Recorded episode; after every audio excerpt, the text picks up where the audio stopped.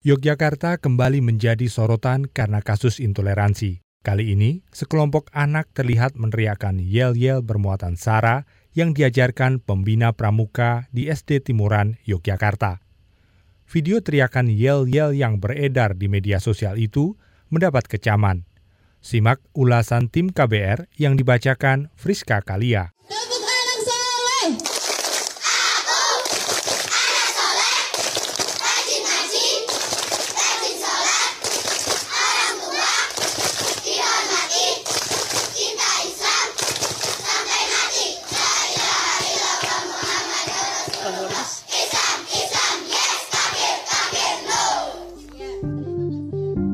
Itu adalah video yang menunjukkan puluhan anak-anak anggota pramuka meneriakan yel-yel berbau sara yang beredar di media sosial.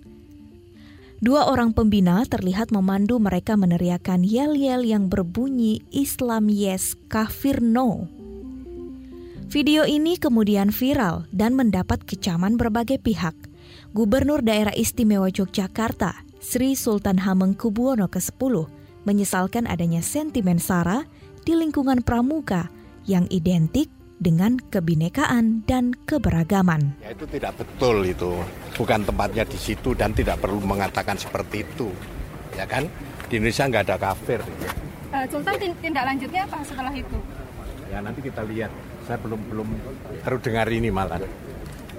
Tapi saya sangat menyesal itu terjadi di pramuka seperti itu.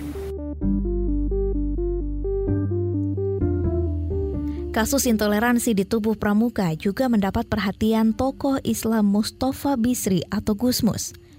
Pengasuh pondok pesantren Raudatut Tolibin Rembang, Jawa Tengah ini mengatakan, yel-yel pramuka bernada sara itu merusak keberagaman. Gusmus menyebut orang yang mengajarkan yel-yel intoleran semacam itu berarti merusak esensi agama Islam. Itu itu gimana? Dan ini merusak betul, merusak. Dan itu menyakitkan sekali karena itu dilakukan oleh orang yang mengaku beragama. Orang yang beragama tentu tahu kalau Tuhan itu Maha Pengasih, menciptakan agama rahmatan lil alamin. Rahmatan lil alamin itu kasih sayang kepada alam semesta. Nah kalau dengan saudara sendiri saja tidak bisa kasih sayang itu bagaimana dengan yang lain-lain? Di sisi lain, pengurus PP Muhammadiyah Abdullah Daras mengaku Pramuka telah disusupi organisasi intoleran. Ia menyebut organisasi tersebut sengaja membidik kegiatan ekstrakurikuler di sekolah seperti Pramuka yang sejatinya bukan organisasi keagamaan. Daras mengaku pernah melakukan riset terkait hal ini saat masih menjabat sebagai Direktur Eksekutif Ma'arif Institute. Ia turut menyoroti gagalnya sekolah dalam menyaring pembina atau pengajar kegiatan ekstrakurikuler. Ini terkait bagaimana uh, sekolah tidak mampu untuk memfilter, menjaring ya, katakanlah menseleksi gitu ya mentor-mentor yang masuk ke sekolah gitu loh. Kasus yang terakhir di Jogja itu memang dia bukan pembina kesiswaan di situ, tapi itu artinya itu orang yang dari luar sekolah begitu. Dan mereka disusupkan ke sekolah gitu ya untuk mendampingi siswa. Gitu. Sementara gitu. itu Kuartir Nasional Pramuka memastikan bakal mencopot anggotanya jika terbukti menyebarkan paham radikalisme. Juru bicara Pramuka Guritno mengatakan, lembaganya bakal memperketat pengawasan di internal sebagai respon atas kasus Yel-Yel Sara di Pramuka, Yogyakarta.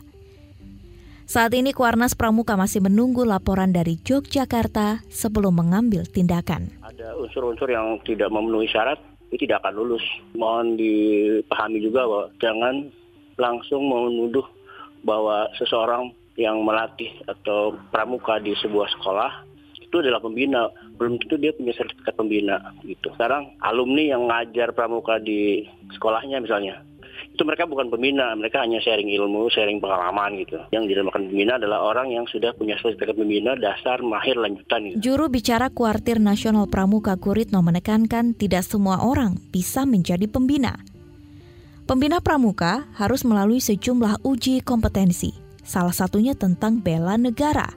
Ia menduga pembina pramuka yang mengajarkan yel-yel Sara itu tidak mengantongi sertifikat sebagai pembina. Demikian liputan KBR yang disusun oleh tim. Saya Friska Kalia.